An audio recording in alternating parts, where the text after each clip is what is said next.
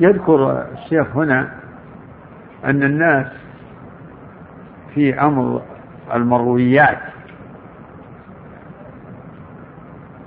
في التفسير وغير التفسير أنهم طرفان. يعني طرفان ووسط. بس هو الآن يذكر حال الطرفين الذي يعبر عنهم بالتطرف. متطرف يعني إنه آخذ بجانب بطرف.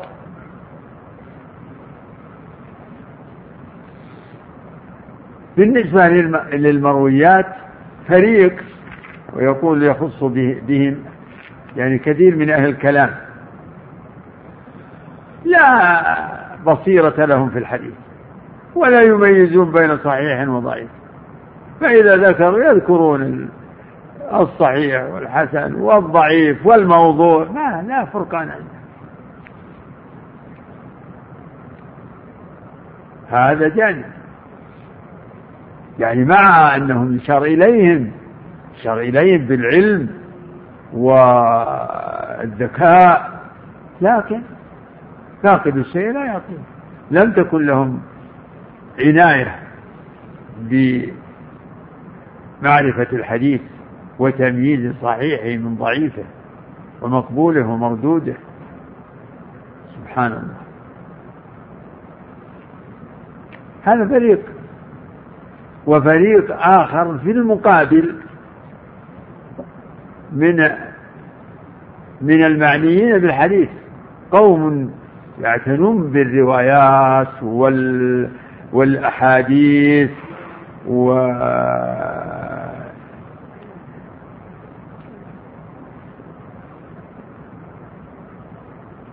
ومعرفة يعني بالأسانيد. ولكنهم ليسوا أهل فقه في هذا الشأن. فهم يأخذون قواعد مثل قواعد الصحيح الإسناد السند الصحيح. فعندهم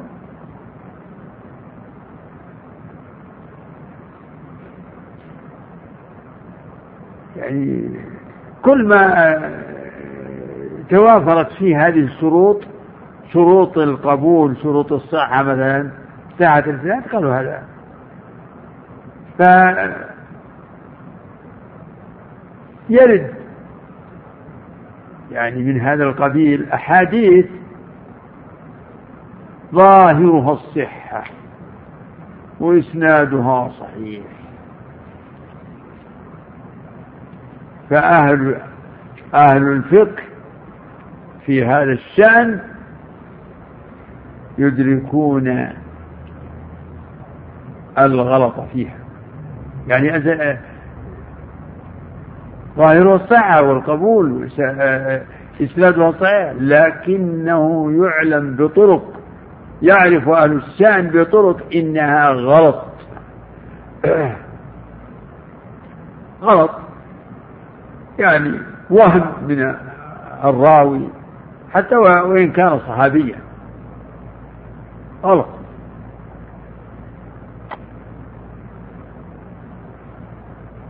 لأنه معارض بما هو أقوى منه. ولعله سيأتي لهذا بعض الأمثلة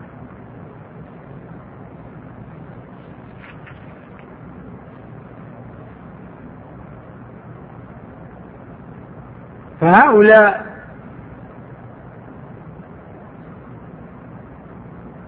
إذا وجدوا أحاديث ظاهرها الصحة في نظرهم عارضوا بينها وبين الأحاديث الصحيحة فراحوا يتكلفون لها وعنها جوابا مع أن أهل الشان من أئمة الحديث يدركونها غلط. خلاص غلط ما تحتاج إلى أن يتكلف في تأويلها أو الجمع بينها وبين ما عارضها لا هذا غلط.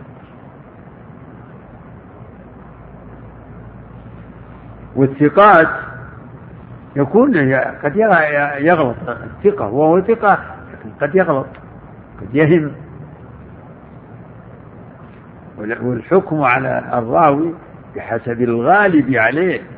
أما الغلط آه، النادر هذا لا كما يقال لا حكم له ولا ولا يقدح في منزلته.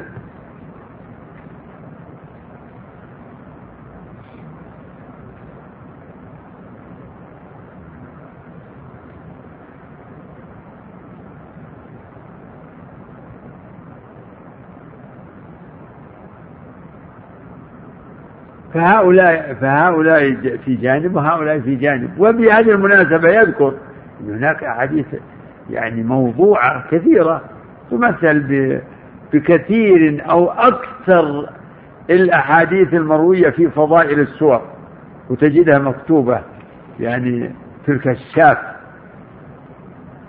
وعند الواحدي عند عند الثعالبي حديث موضوعة ومعروف إنها موضوعة.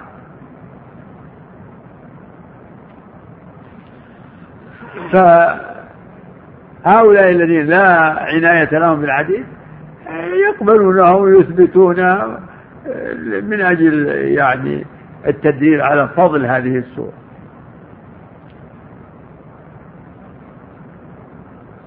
وبهذه المناسبة يوازن الشيخ بين تفسير ثعالبي والواحدي يقول صاحبه. ثعالبي يكون شيخ للواحد والبغوي. فيقول إن الثعالبي آه، ذكر في تفسير أحاديث من غير تمييز حتى قال إنه حاطب ليل.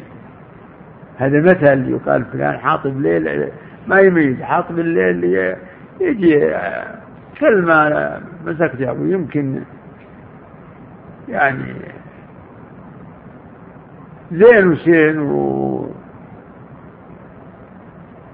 حاطب ليل في النهار اللي يحطب في النهار يميز ويختار ويشوف الشيء المناسب. أما عاطب الليل لا بس مما يليه يجمع يعبر بهذا عن اللي يجمع من غير تمييز. ويقول عن الواحد إنه أبصر من شيخه بالعربية.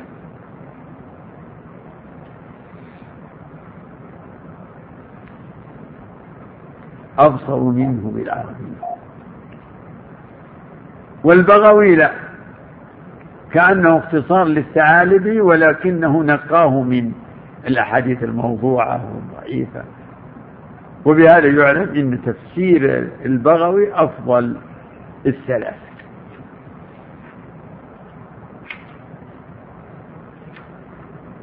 هذا يعني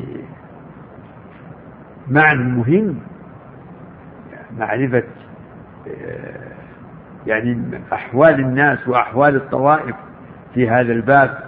في في علم المنقولات والمرويات. فلها فللمرويات رجال وأئمة يقولون إن إن أئمة الحديث كالصيارفة. مثل الصيارفة اللي يعني يتعاملون بالنقود. بالعملات ما هي العملات اللي هي الورقية؟ لا ذهب وفضة. يميز بين الصحيح والخالص وبين المغشوش. في نظره يكون عند أحدهم يعني من نوع يعني حديدة أو حجر يضرب عليه الدينار أو الدرهم ويعرف إنه مغسوس ولا صافي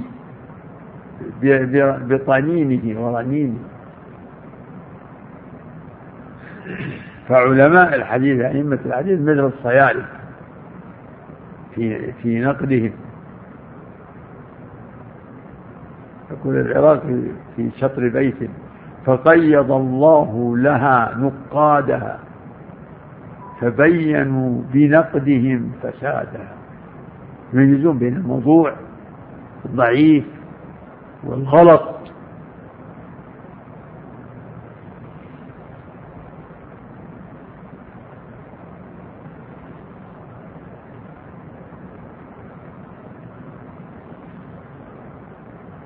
وهذا النوع يعني الآن هذا موجود وهذا موجود. الطرفان الذين ذكرهم الشيخ موجودان الآن. في ناس ما عندهم بصيرة في الحديث ويأخذون من كل ما اتفق لهم. يستدلون بأحاديث ما لها أصل أصل موضوعة أو أو إنها ضعيفة ضعف شديد. وهناك مثلا ناس لهم عناية بالحديث تجدهم يصححون الآن فيها كثير من الشباب. يقرأ بحسب القواعد اللي هو درس كذا خلاص يحكم. الحديث هذا صحيح. ارجع للأئمة ماذا قالوا؟ لا لا تأتينا بتصحيحك أنت. والله أنا قرأت الحديث ودرسته حديث صحيح. هذا الحافظ ابن حجر اقرأوا بلوغ المرام. ما أذكر. صحيح أنه ضعف. كثير يقول بإسناد ضعيف ضعيف لكن تصحيح ما أذكر إلا حديث أو حديثين. حكم هو قال إسناده صحيح ولا الباقي يحيل على غيره. صار ابن حبان الحاكم ابن خزيمة فلان كذا اقرأوا البلوغ اقرأوا تأملوا فيه. لا يكاد يحكم على حديث هو بالصحة. بل ينقل التصحيح. أما التضعيف نعم.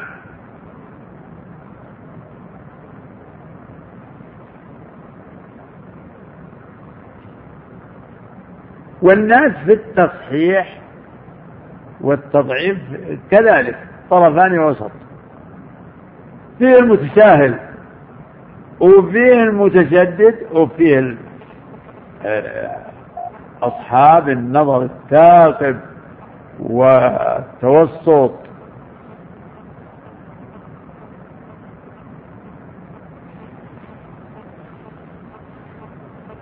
هذا كله متصل بموضوع التفسير بالمنقول.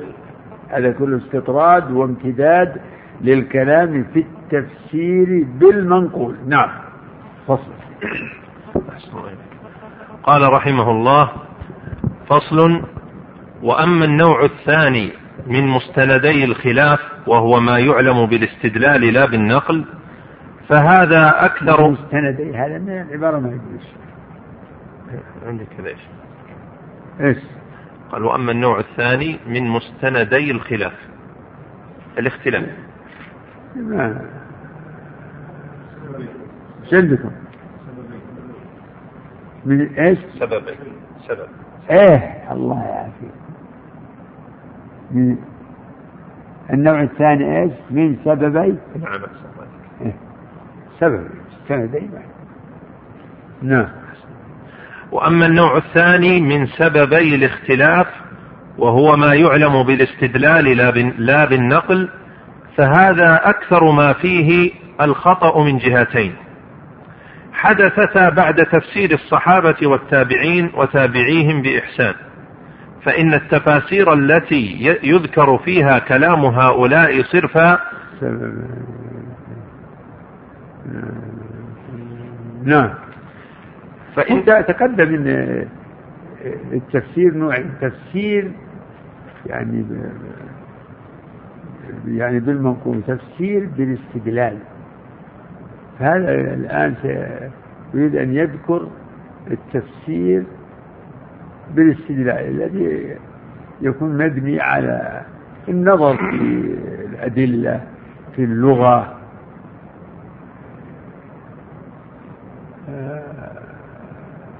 كما يقول ابن الشوكاني يقول فتح القدير الجامع بين علمي الدراية والرواية من علم التفسير. تفسير بالرواية هو المنقول. وتفسير بالدراية يعني بالاستنباط ووجوه الاستدلال. نعم. نعم. فإن التفاسير التي يذكر فيها كلام هؤلاء صرفا لا يكاد يوجد فيها شيء من هاتين الجهتين. فهذا أكثر ما فيه الخطأ من جهتين. نعم. حدثتا بعد تفسير الصحابة والتابعين وتابعيهم بإحسان. نعم. فإن التفاسير التي يذكر فيها كلام هؤلاء صرفا لا يكاد يوجد فيها شيء من هاتين الجهتين. مثل تفسير عبد الرزاق ووكيع وعبد بن حميد وعبد الرحمن بن إبراهيم وعبد الرحمن بن ابن إبراهيم بن إبراهيم دحي دحين هذا لقب له شيخ البخاري لقبه اسمه عبد الرحمن بن إبراهيم ولقبه دحي نعم. وعبد الرحمن بن إبراهيم دحيم ومثل تفسير الإمام أحمد وإسحاق بن راهويه وبقي بن بن مخلد وأبي بكر بن المنذر وسفيان بن عيينة وسنيد وابن جرير وابن أبي حاتم وأبي سعيد الأشج وأبي عبد, وأبي عبد الله بن ماجه وابن مردويه. إحداهما قوم, قوم اعتقدوا معاني ثم أرادوا حمل ألفاظ القرآن عليها. إيش؟ قال إحداهما قوم اعتقدوا معاني ثم أرادوا حمل ألفاظ القرآن عليها. نعم. والثانية قوم فسروا القرآن بمجرد ما يسوغ. أن يريده بكلامه من كان من الناطقين بلغة العرب. من غير نظر إلى المتكلم بالقرآن والمنزل عليه والمخاطب به. الله الله الله الله نعم. فالأولون راعوا, راعوا المعنى الذي رأوه من غير نظر إلى ما تستحقه ألفاظ القرآن من الدلالة والبيان. والآخرون راعوا مجرد اللفظ. فالأولون. فالأولون راعوا, راعوا المعنى الذي رأوه من غير نظر إلى ما تستحقه ألفاظ القرآن من الدلالة والبيان. والآخرون راعوا مجرد اللفظ وما يجوز عندهم أن يريد به العربي. من غير نظر إلى ما يصلح للمتكلم وسياق الكلام. الله الله نعم. ثم هؤلاء كثيرا ما يغلطون في احتمال اللفظ لذلك المعنى في اللغة كما يغلط في ذلك الذين قبلهم. كما أن الأولين كثيرا ما يغلطون في صحة المعنى الذي فسروا به القرآن. كما يغلط في ذلك الآخرون. وإن كان نظر الأولين إلى المعنى أسبق ونظر الآخرين إلى اللفظ أسبق. والأولون صنفان. تارة يسلبون لفظ القرآن ما دل عليه وأريد به وتارة يحملونه على ما لم يدل عليه ولم يرد به. نعم مرة ثانية. والأولون إيه، والأولون صنفان. تارة يسلبون لفظ القرآن ما دل عليه وأريد يسلبون لفظ القرآن ما دل عليه. وأريد به. تارة يسلبون لفظ القرآن ما دل عليه وأريد به. وتارة يحملونه على ما لم يدل عليه ولم يرد به. وفي كلا الأمرين قد يكون ما قصدوا نفيه أو إثباته من المعنى باطلا. فيكون وفي, الحالة.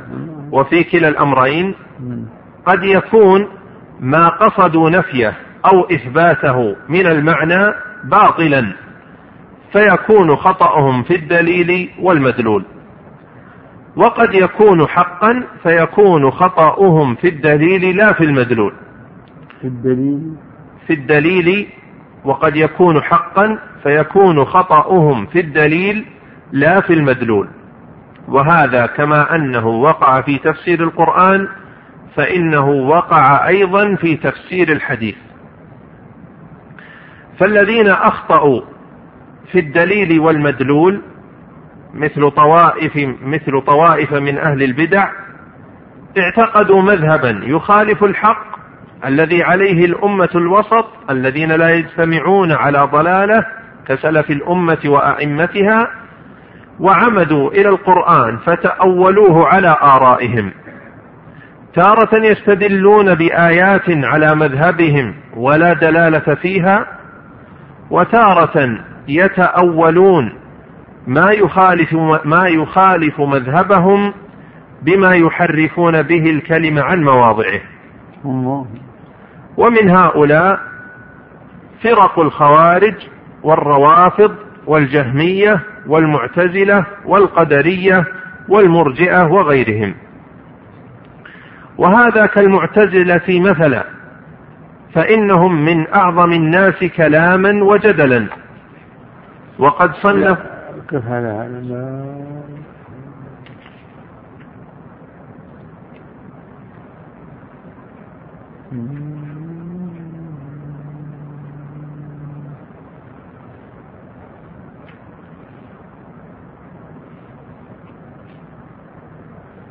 سبحان الله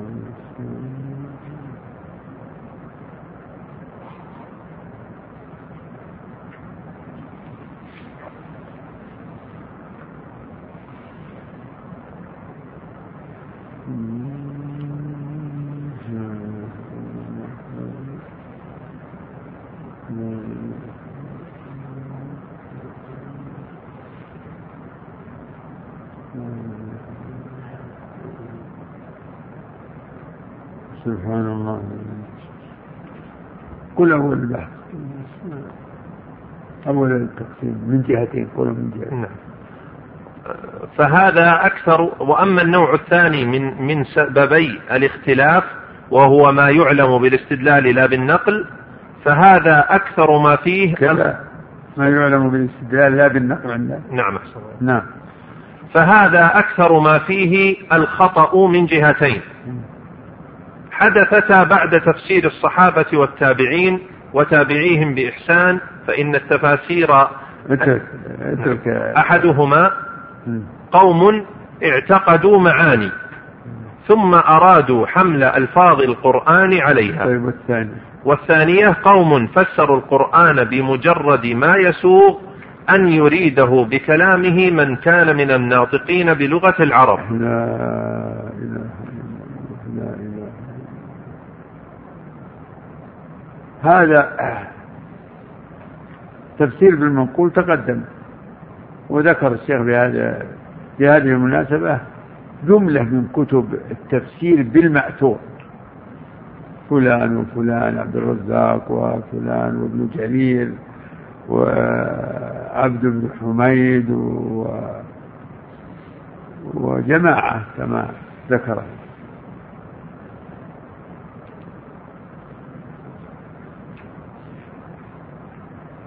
والنوع الثاني التفسير يعني بطريق الاستدلال. يقول هؤلاء صنفان. يأتيهم الغلط من جهتين. يقول يعني فريق اعتقدوا معاني.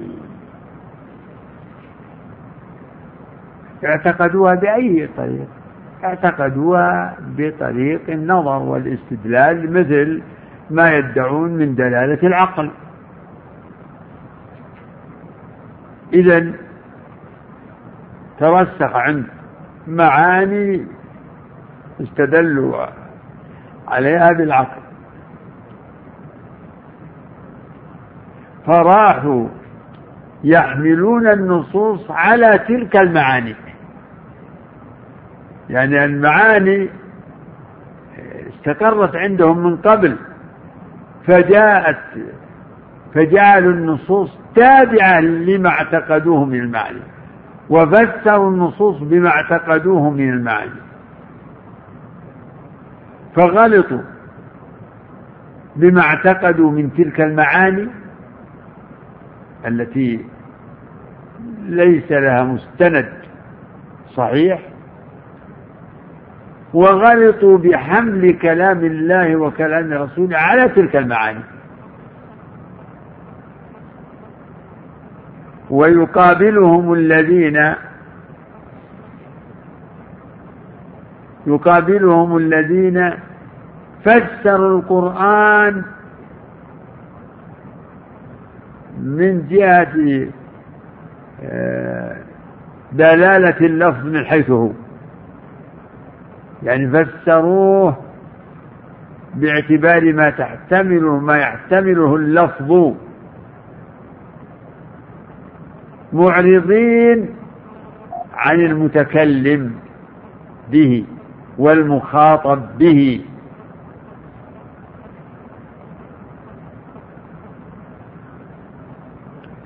ولا ريب إن إن معنى الكلام يختلف باختلاف المتكلم.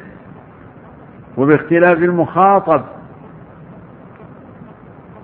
فهؤلاء أعرضوا عن هذا ونظروا إلى ما ما يحتمله اللفظ بس. ولهذا يقول الشيخ إنها إن الأولين يعني نظروا للمعنى أولا والمعنى عندهم سابق لتفسير اللفظ ومعنى اللفظ. وهؤلاء نظرهم في اللفظ سابق للمعنى.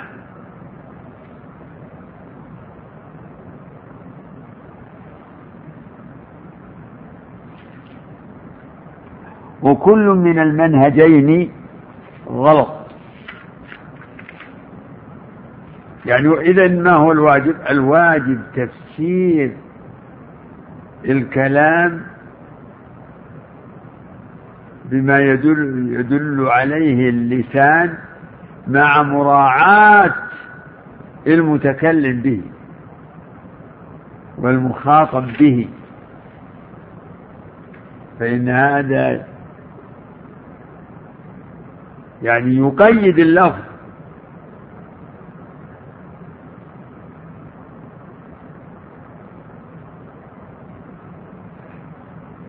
وبمعرفة المتكلم يعني يعرف من من عادته ومن سنته ومن آه، مقاصده. يعرف ما يعني ما أراد بهذا الكلام. أما من قطع الكلام عن المتكلم به والمخاطب به واقتصر على دلالة اللفظ فإنه يغلط كثيرا. ويفسر الكلام بما لم يقصده المت... بما لم يقصده المتكلم.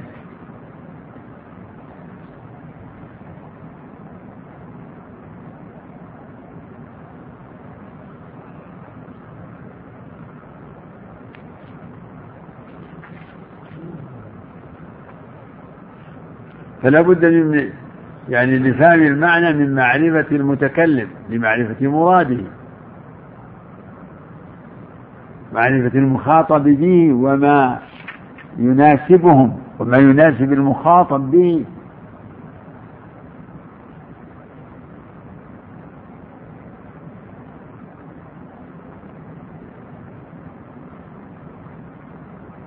فهذان فريقان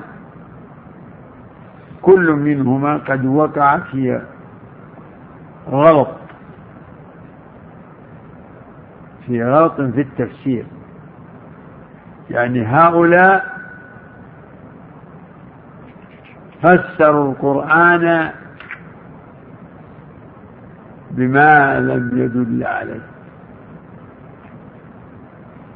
لأنهم اعتقدوا معاني ثم فسروا القرآن بتلك المعاني.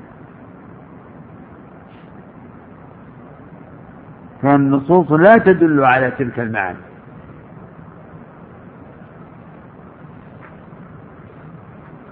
يقول الشيخ فغلطوا في الدليل والمدلول. المدلول هو المعنى الذي اعتقدوه وهو غلط. والدليل حيث حملوا النص على ذلك المعنى. فغلطوا في الدليل والمدلول.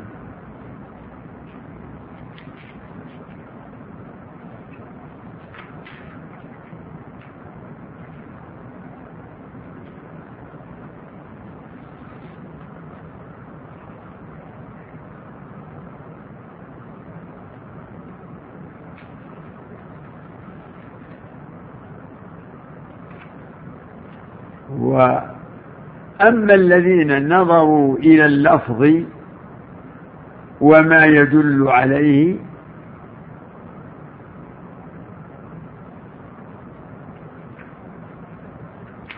فغلطهم في المدلول فيما يظهر. هذا العلم في المدلول. لا في الدليل.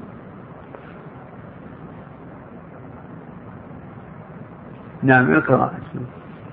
بعد التقسيم الصومي فالأولون راعوا المعنى الذي رأوه. هؤلاء الذين اعتقدوا معاني ثم فسروا القرآن. نعم. راعوا المعنى الذي رأوه.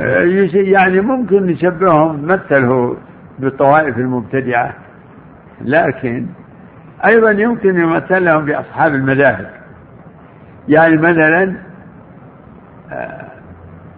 صاحب المذهب مثلا حنبلي أو شافعي. تأصل عنده إن الحكم الفلاني كذا. فيذهب يفسر الدليل أو الحديث على ما يوافق المذهب. فالمذهب سابق. يعني اعتقد أولا ثم استدل. والواجب هو الاستدلال أولا ثم اعتقاد ما دل عليه ما دل عليه الدليل. أما أن يعتقد ثم يستدل معناه أن اعتقاده لم يكن مبنيا على الدليل الصحيح. فيذهب يعتقد ثم يستدل وإذا استدل فلا بد أن يخضع هذا الدليل ليتفق مع اعتقاده وهذا ما يصنعه أصحاب التعصب من أهل المذاهب. يكون عند هذا المذهب هو المستقر عنده. فيذهب يستدل له بما لم يدل عليه. نعم. فالأولون راعوا المعنى الذي رأوه من غير نظر إلى ما تستحقه ألفاظ القرآن من الدلالة والبيان. تمام. والآخرون راعوا مجرد اللفظ وما يجوز عندهم أن نعم. يد... نعم. راعوا مجرد اللفظ وما يجوز عندهم أن يدل عليه اللفظ وما يحتمله في اللغة العربية. نعم. وما يجوز عندهم أن يريد به العربي من غير نظر إلى ما يصلح للمتكلم وسياق الكلام. تمام. نعم. ثم هؤلاء كثيرا ما يغلطون في احتمال اللفظ لذلك المعنى في اللغة كما يغلط في ذلك الذين قبلهم. كما أن الأولين كثيرا ما يغلطون في صحة المعنى الذي فسروا به القرآن. كما يغلط في ذلك الآخرون. وإن كان نظر الأولين إلى المعنى أسبق ونظر الآخرين إلى اللفظ أسبق. نعم. والأولون صنفان. نعم. تارة يسلبون لفظ القرآن ما دل عليه وأريد به وتارة يحملونه على ما لم يدل عليه ولم يرد به. نعم. تارة مرة. والأولون صنفان. الأولون هم الذين اعتقدوا معاني ثم ذهبوا يفسرون القرآن بما بما اعتقدوه من المعاني. نعم. هؤلاء صنفان. تارة يسلبون لفظ القرآن ما دل عليه وأريد به. وتارة يحملونه على ما لم يدل عليه ولم يرد به. طيب. وفي. تارة يسلبون القرآن ما دل عليه وتارة يحملونه على ما لم يدل عليه.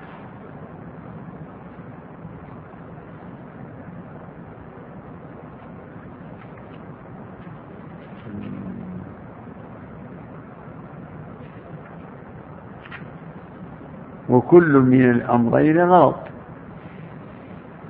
يسلبون القرآن ما دل عليه.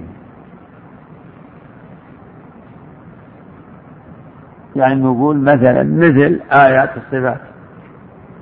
يقولون إن هذه الآيات لا تدل على إثبات الصفات.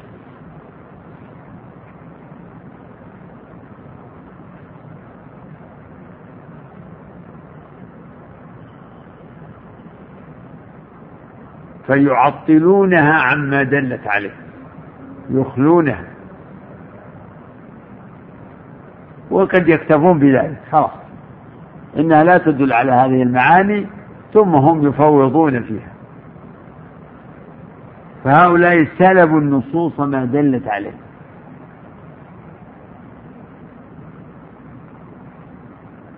وآخرون يجمعون إلى ذلك من سلب النصوص ما دل عليه يجمعون إلى ذلك حملها على ما لم تدل عليه.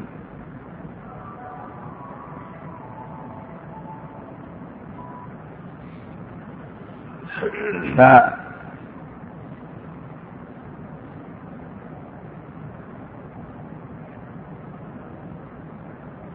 فالأولون يقولون إن قوله تعالى مثلا ما منعك أن تسجد لما خلقت بيدي؟ يقول هذا لا يدل على إثبات اليدين.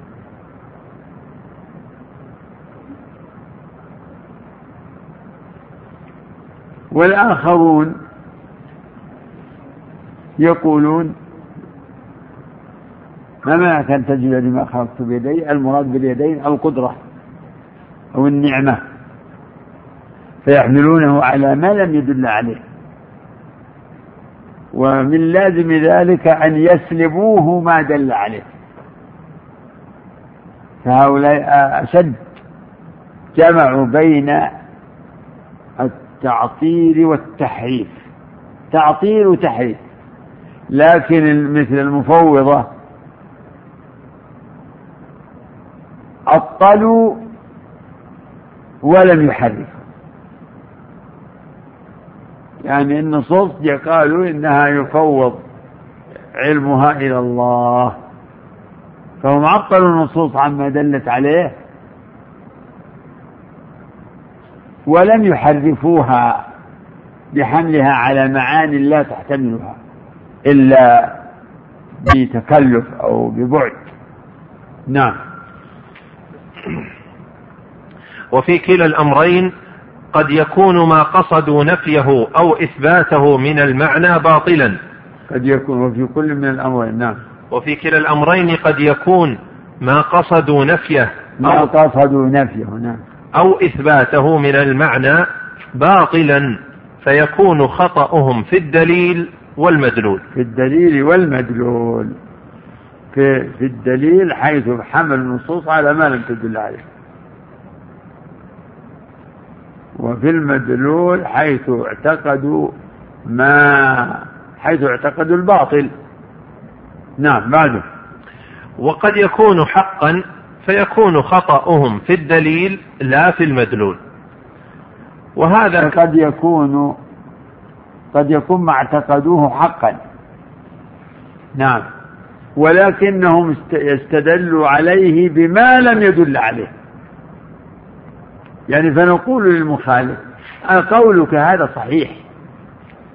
اعتقادك هذا صحيح لكن الدليل الذي ذكرت لا يدل على هذا. فيكون غلطه في ماذا؟ في الاستدلال. غلطه في الدليل لا في المدلول. الاعتقاد أو المقولة حق في نفسها. لكن الاستدلال عليها بهذا الحديث هذا ما هو صحيح غير صحيح. نعم. وهذا كما أنه وقع في تفسير القرآن فإنه وقع أيضا في تفسير الحديث. نعم. بعده. فالذين أخطأوا في الدليل والمدلول نعم. مثل طوائف مثل طوائف من أهل البدع اعتقدوا مذهبا يخالف الحق الذي عليه الأمة الوسط الذين لا يجتمعون على ضلالة كسلف الأمة وأئمتها وعمدوا إلى القرآن فتأولوه على آرائهم. تارة يستدلون تارة يستدلون بآيات على مذهبهم ولا دلالة فيها وتارة يتأولون ما يخالف مذهبهم بما يحرفون به الكلمة عن مواضعه. ومن هؤلاء نعم. ومن هؤلاء فرق الخوارج والروافض والجهمية والمعتزلة والقدرية والمرجئة وغيرهم. هؤلاء هم أشهر طوائف المبتدعة الخوارج والمعتزلة والجهمية وكذا والمرجئة والقدرية. هؤلاء اعتقدوا عقائد ثم ذهبوا يحملون النصوص على تلك المعاني.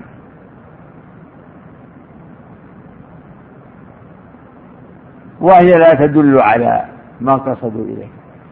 وبهذا يجمعون بين الغلط في الدليل والمدلول. يعني غلطهم من من وجهين من جهة ما اعتقدوه هو غلط. من جهة الاستدلال أو الدليل غلط حيث لا حيث لا يدل على ما استدلوا بها. النصوص لا تدل على مذهب المعتزلة ولا على القدرية ولا على المرجع ولكنهم مع ذلك يستدلون على مذهبهم بأدلة من القرآن فيجمعون بين التحريف واعتقاد الباطل. نعم. وهذا كالمعتزلة مثلا فإنهم من أعظم الناس كلاما وجدلا. آه. وقد صنفوا تفاسير على أصول مذهبهم. صنفوا تفاسير على أصول مذهبهم. نعم. مثل تفسير عبد الرحمن بن كيسان الأصم شيخ إبراهيم بن إسماعيل بن, عل بن علية الذي كان يناظر الشافعي. ومثل كتاب عندكم علية. علية. علية. إسماعيل. ها؟ إسماعيل بن علي. إبراهيم نعم. إبراهيم بن إسماعيل بن علي تمام. معروف أبوه معروف إمام من قاتل الرواه إسماعيل بن علي لكن هذا الولد. نعم إبراهيم نعم. شيخ إبراهيم بن إسماعيل بن علية الذي كان يناظر الشافعي ومثل كتاب أبي علي الجبائي والتفسير الكبير للقاضي عبد الجبار بن أحمد الهمداني. همداني؟ نعم همداني بالله. والتفسير الكبير للقاضي عبد الجبار بن أحمد الهمداني ولعلي بن عيسى الرماني. همدان نسبة إلى همدان بلد في المشرق. وأما إذا صارت بالدال فبالتسكين الميم. همداني نسبة إلى يعني قبيلة همدان القبيلة اليمنية المشهورة التي إلى الآن اسمها موجود باقي. نعم. والكشاف لأبي القاسم الزمخشري فهؤلاء وأمثالهم اعتقدوا مذاهب المعتزلة. نعم. وأصول المعتزلة خمسة يسمونها هم التوحيد والعدل والمنزلة بين المنزلتين وإنفاذ الوعيد والأمر بالمعروف والنهي عن المنكر. هذا المعتزلة بالمناسبة يذكر الشيخ أصول المعتزلة خمسة. ويسمونها يقول التوحيد ولكنهم يدخلون فيها الصفات. فما هو بتوحيد؟ يدخلون بها نفي الصفات. فهل يكون توحيدا؟ لا. لكنهم يسمون نفي الصفات توحيدا وإثباتها يجعلونه تشبيها أو شركا. ثاني العدل ويدخلون فيه نفي القدر. والمنزلة بين المنزلتين في شأن في حكم العاصي. في الدنيا أنه في منزلة بين المنزلتين وإنفاذ الوعيد وهو قول بتخليد أهل الكبائر في النار. والأمر بالمعروف والنهي عن المنكر ويدخل فيه الخروج على ولاة الأمور. نعم. وتوحيدهم هو توحيد الجهمية الذي مضمونه نفي الصفات وغير ذلك. قالوا إن الله لا يرى نعم. وإن القرآن مخلوق نعم. وإنه ليس فوق العالم. وإنه لا يقوم به علم ولا قدرة ولا حياة ولا سمع ولا بصر ولا كلام ولا مشيئة ولا صفة من الصفات. وأما عدلهم فمن مضمون التوحيد. التوحيد نفي نفي الصفات. نعم. وأما عدلهم. وأما عدلهم فمن مضمونه أن الله لم يشأ جميع الكائنات ولا خلقها كلها. يعني أفعال العباد خالدة كلها. نعم. ولا هو قادر عليها ولا هو قادر عليها كلها. بل عندهم أن أفعال العباد لم يخلقها الله لا خيرها ولا شرها ولم يرد إلا ما أمر به شرعا. وما سوى ذلك؟ فإنه يكون بغير مشيئته. وما سوى ذلك فإنه يكون بغير مشيئته. وقد وافقهم على ذلك. قال رحمه الله وأما عدلهم فمن مضمونه أن الله لم يشأ جميع الكائنات. لم يشأ جميع الكائنات بل خرج عن مشيئته أفعال العباد. نعم. ولا خلقها كلها. ولا هو قادر عليها كلها. نعم هذا كلها أفعال العباد هي المعروفة نعم. بل عندهم أن أفعال العباد لم يخلقها الله لا خيرها ولا شرها. نعم تعالى الله عن ذلك. ولم يرد إلا ما أمر به شرعا. وما سوى ذلك فإنه يكون بغير مشيئته. وقد وافقهم على ذلك متأخر الشيعة كالمفيد وأبي جعفر الطوسي وأمثالهما. نعم. ولأبي جعفر, ولأبي جعفر هذا تفسير على هذه الطريقة. نعم. الوقت بقي ارجع قليلا عيد. من عدد شيء ها؟ فيه قال رحمه الله وأما عدلهم فمن مضمونه أن الله لم يشأ جميع الكائنات. نعم هذا يعني واضح من المعروف من القدرية. يخرجون أفعال العباد عن مشيئة الله وقدرته وخلقه. نعم فليست مخلوقة لله ولا واقعة بقدرته ولا بمشيئته. نعم شوي شوي. ولا خلقها كلها. نعم. ولا هو قادر عليها كلها. نعم وش اللي كلها؟ وين تعود؟ يعني المخلوقات. نعم. بل عندهم أن أفعال العباد لم يخلقها الله لا خيرها ولا شرها. نعم. ولم عندهم من العدل لا يتحقق إلا بذلك. نعم. ولم يرد إلا ما أمر به شرعا.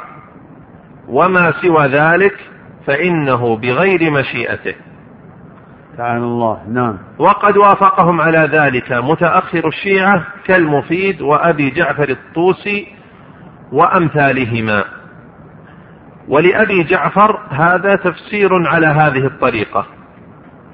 لكن يضم إلى ذلك قول الإمامية الاثني عشرية ولأبي جعفر هذا تفسير على هذه الطريقة. وقد وافقهم على ذلك متأخر الشيعة. إيه يعني هذا فيه التنبيه على إن إن مذهب المعتزلة في التوحيد هذه الأصول والعدل الذي يضمنون نفي القدر وأن العباد خالقون لأفعالهم هذا المذهب دخل على الشيعة. ولهذا ابن المطهر الذي رد عليه شيخ الإسلام يقرر يعني مذهب المعتزلة في باب الصفات وفي أهل الكبائر. يعني دخل عليهم مذهب المعتزلة ودخل على الزيدية. يعني الشيعة صاروا معتزلة. صاروا شيعة ومعتزلة مختلطة. نعم. أي نعم الجميل وقد وافقهم على ذلك متأخر الشيعة.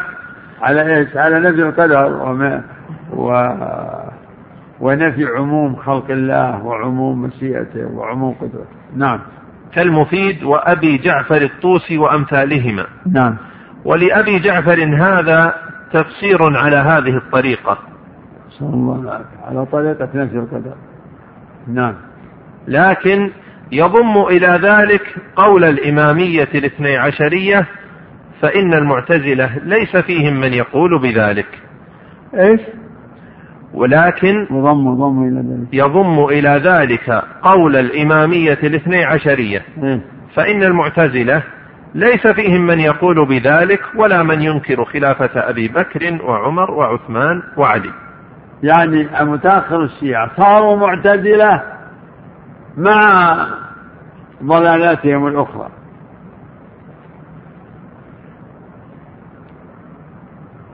فالمعتزلة خير منهم إذا لأن لأن الرافضة متأخر الرافضة معتزلة ورافضة جميعا.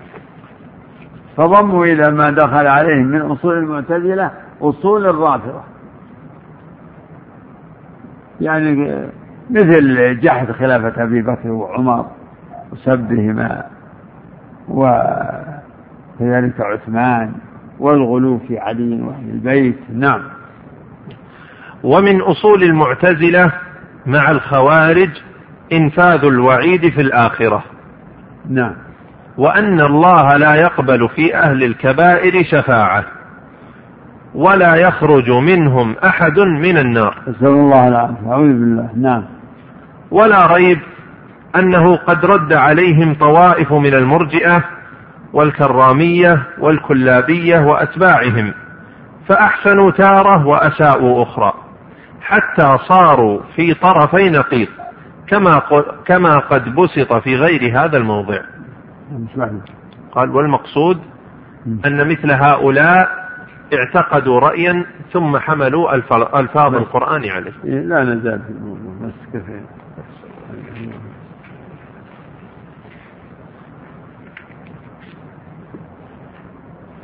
الله المستعان. تفضل. آخرون الذين حملوا لفظا أو حملوا معنى ألفاظ القرآن حملوها على معاني اعتقدوا عن شيء. مثلا لهم بالطوائف المبتدعة نعم. أشمل من الأولين. لا غلطوا في الدليل والمدلول بالقول أستغفر الله. نعم. شيء؟ تفضل.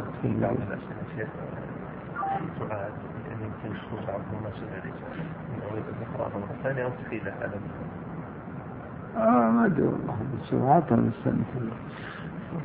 أحسن الله إليك. هذا أخونا عبد عبد الله من مصر يقول السلام عليكم ورحمة الله وبركاته. فضيلة الشيخ إني أحبك في الله. سؤالي أحبك الله الذي أحببتني نعم. نرى في بعض المواقع على الإنترنت من يجعل صفحة أو موضوعا مثبتا ويكون عنوانه سجل هنا صلاتك وسلامك على على الرسول يوميا. بأن يكتب كل عضو أو مشارك ذلك بشكل مستمر رغبة في الأجر. هل هذه الطريقة مشروعة أم لا؟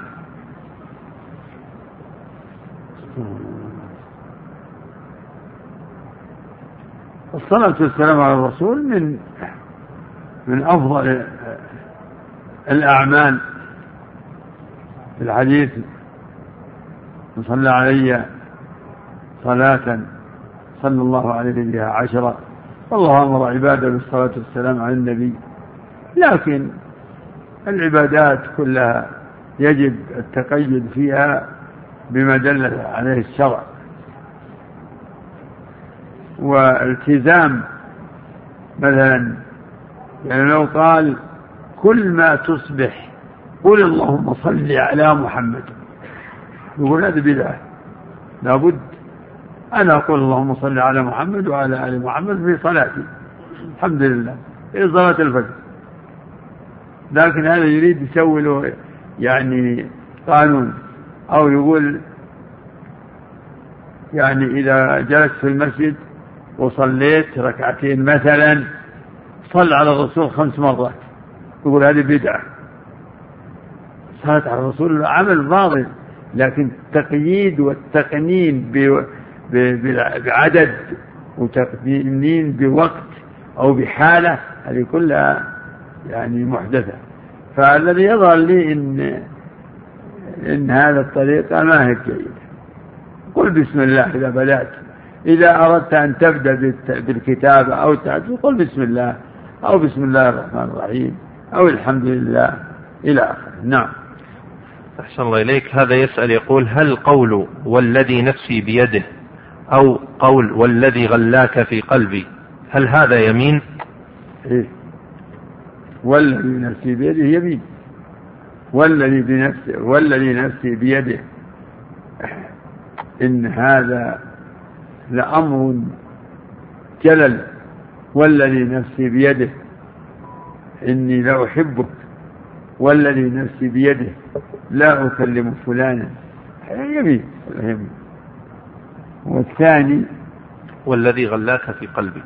هذه كلمة عامية وهي معناها قسم. غلاك يعني الذي والذي جعلك غاليا في قلبي. والذي جعلك يعني محبوبا في قلبي. من الذي يجعل ذلك؟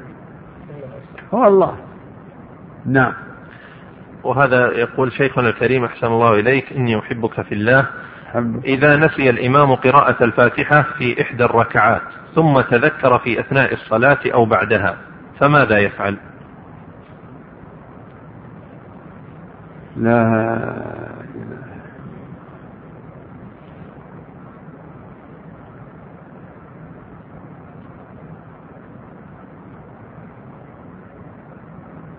لا شك أن الإمام إذا نسي قراءة الفاتحة. وأتم الركعة ولم يذكر إلا بعد ما أتم الركعة فهذه الركعة باطلة بطلت. لا صلاة لمن لم يقرأ بفاتحة الكتاب. فهو الآن.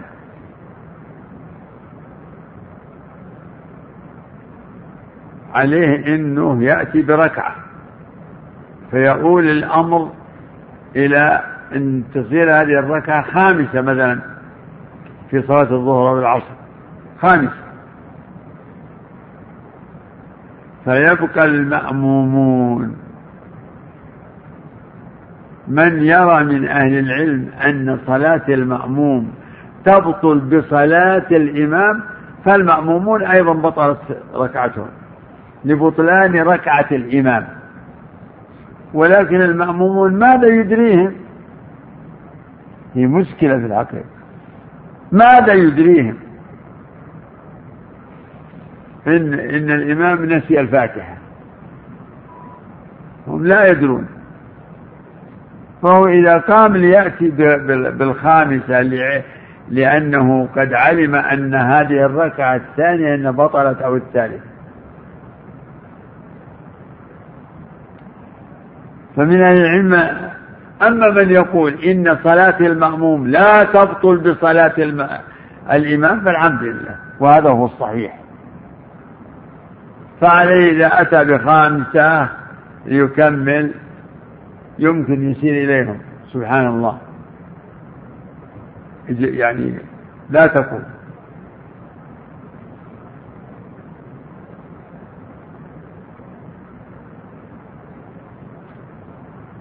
لأنهم هم صلوا بل وجمهورهم قد قرأ الفاتحة.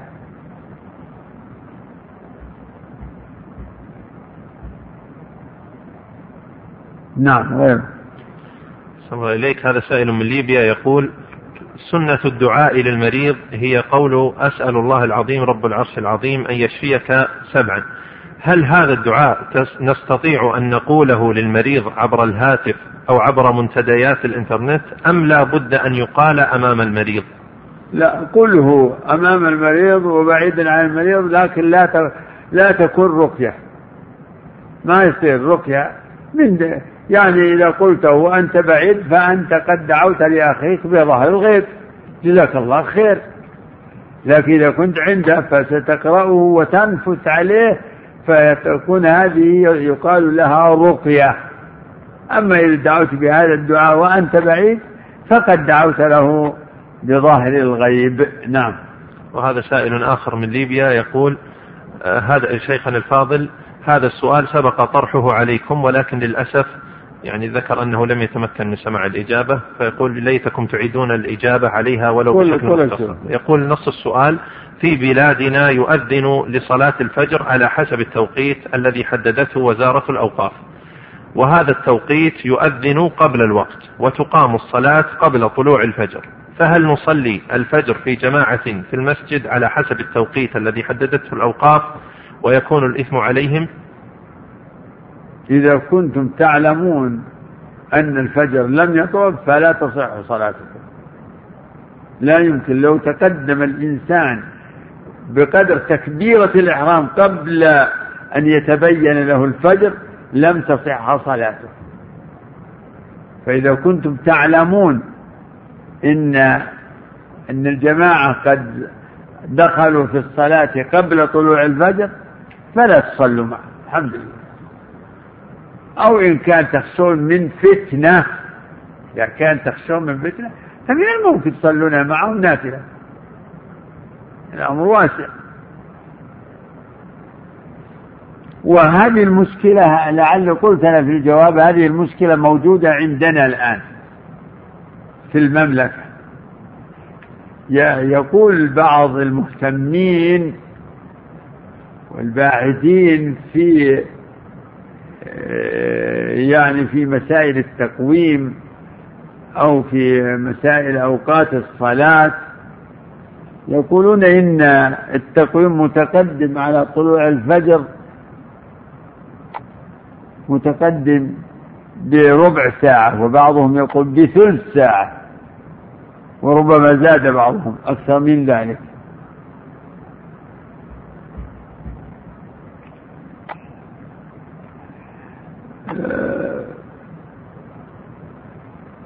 ففي هذه الحال على الإنسان أنه إذا كان إمام يتعنى ولا يقيم الصلاة لا يقيمها حتى يطمئن إلى طلوع الفجر.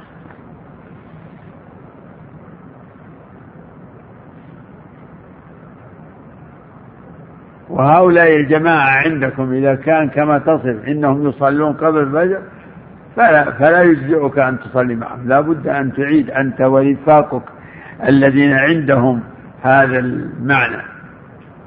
نعم.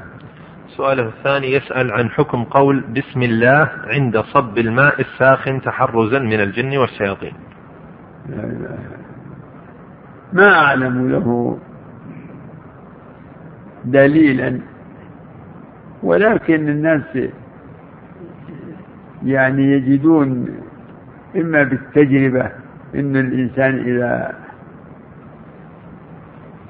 يعني مثلا أراد أن يكب ماء حار أنه كأنه يتوقع أنه ربما أصاب أحدا من الجن. فيندب الناس بعضهم بعضا بأن يقول أحدهم بسم الله لطرد الشيطان. وهذا لا أرى فيه بأسا ولا أقول إنه سنة. بسم الله حسن ذكر لله. بسم الله فيه ذكر لله. والشياطين تفر من ذكر الله. يقول بسم الله.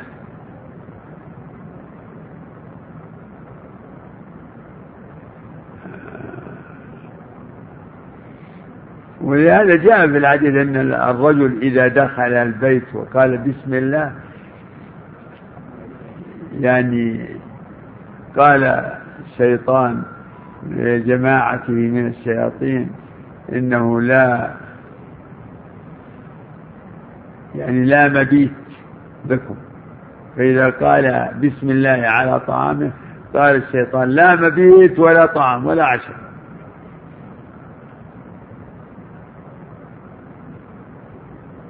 لهذا جاءت الشريعة بذكر بسم الله عند الطعام وعند الدخول وعند الخروج بسم الله بسم الله بسم الله. هذه العالم لها لها أرجو أنه لا بأس بذلك ولا أذكر ولا عندي دليل أقول إنه سنة. نعم. ويسأل أخيرا عن عبارة أنا قلبي دليلي.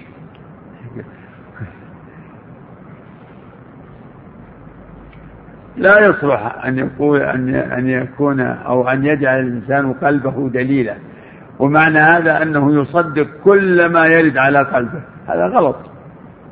فإنه يرد على قلبك مع أمور أمور فظيعة وقبيحة ومنكرة. يرد على قلبك آه، الصدق والكذب. هل تصدق كل ما يجي في قلبك؟ كل ما حكم به قلبك يعني يكون يكون هذا حجة على أنه صحيح واقع.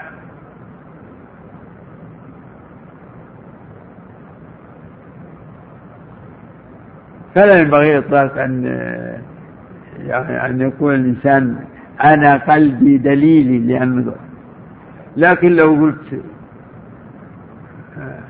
والله دلني يعني في قضية جزئية دلني قلبي على كذا على مسألة جزئية. مثل يعني ظننت والله ظننت إنك فلان أو ظننت إنك تزورني. هذه تساوي دل دلني قلبي إنك ستزورني. يعني جاء في قلبي خطر ببالي. أما إطلاق القول بأن قلبي دليلي يقول الشاعر وللقلب على القلب دليل حين يلقاه هذا هذا راجع إلى ما يخطر يقع في البال. الإنسان إذا لقي من يحبه ويهواه ينشرح له. وإذا لقي من يكرهه يشمئز و ويكره. اللقاء ويسيء الظن. نعم. أحسن الله إليك. هذا السائل يسأل يقول متى يبدأ وقت أذكار الصباح والمساء ومتى ينتهي؟ الله. والله ما عندي أما يبدأ فمن الصباح. من الصباح من الفجر من طلوع الفجر. هذا هذه أذكار الصباح. وتمتد إلى طلوع الشمس. لأن الله أمر عباده بالتسبيح قبل طلوع الشمس وقبل غروبها أو قبل الغروب في الآية الأخرى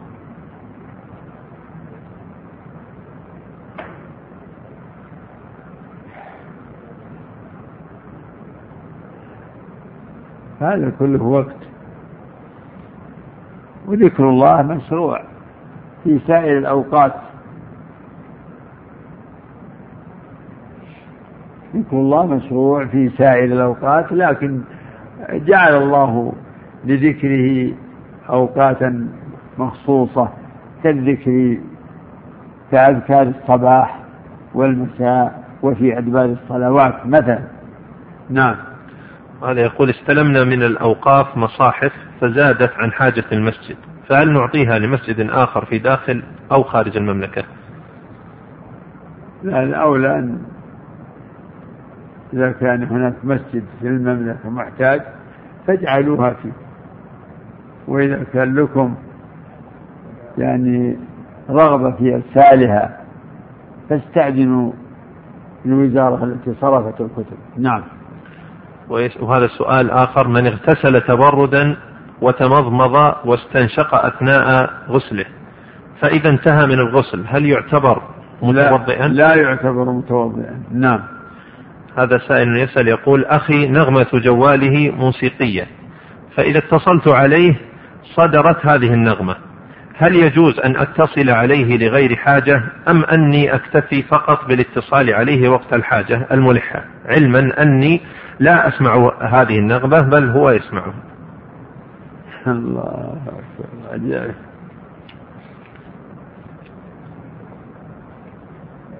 اتصل عليه متى شئت وإن كان في الأمر تبع فعليه نعم. وهذا يقول المصلي إذا استفتح بأكثر بأكثر من صيغة بأكثر من صيغة في بداية الصلاة فهل فعله صحيح؟ والله ما يظهر لي يظهر لي أنك تنوع تنوع تارة سبحانك اللهم وتارة اللهم باعد بيني وبين خطاياي. وهكذا. وتارة يعني تذكر بعض الاستفتاحات الأخرى. المقصود إن هذه الاستفتاحات من تنوع العبادات. نعم. وأيضا يسأل عن التشهد الأخير يقول أكثر من صيغة. كذا التشهد الأخير أو التشهد الأول. يعني التشهد الأول الأخير والأول تراه كله واحد. التحيات لله والصلوات والطيبات. السلام عليك أيها النبي ورحمة الله وبركاته. السلام علينا وعلى عباد الله الصالحين. أشهد أن لا إله إلا الله وأشهد أن محمدا عبده ورسوله هذا التشهد كله ما تقول هذا التشهد الأول. لا. هذا التشهد في الأول والآخر. لكن التشهد في الجلوس الأخير يشرع بعده الصلاة على الرسول صلى الله عليه وسلم والتبريك عليه. نعم. هذا يقول إمام رفع من الركوع وقال الله أكبر. ثم بعدها قال سمع الله لمن حمده. لا هل يسجد للسهو؟ لا لا ما يسجد للسهو. نعم انتهى. ممكن نقف شيء خليها لا عجيب والله. كثيرة. هات. هذا يسأل يقول ما الفرق بين تغير الفتوى بتغير الزمان وبين تحريف الكلم عن مواضعه؟ سبحان الله. تحريف الكلمة عن مواضع صرف ألفاظ النصوص الكتاب والسنة عما دلت عليه إلى معان مرجوحة أو معان لا تدل عليه. هذا تحريف منكر. أما تغير الفتوى بتغير الأحوال فهذا في الحقيقة ما هو هو تطبيق لشرع الله. هذا تطبيق للشرع. يعني في مثل كما ذكروا يعني الحكم الشرعي قطع يد السارق. إذا سرق واستوفت واستوفى الشروط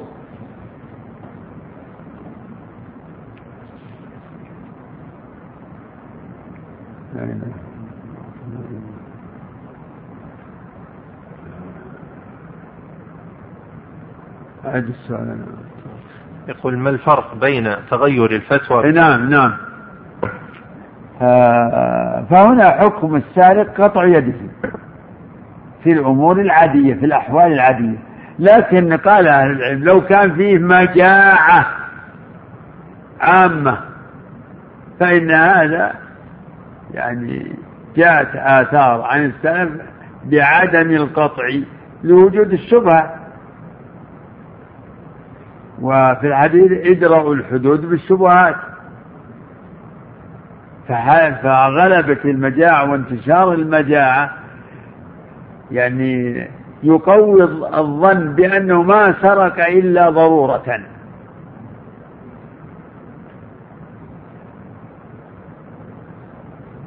ومن تغير الفتوى مثلا آه، مثلا في الأمر بالمعروف.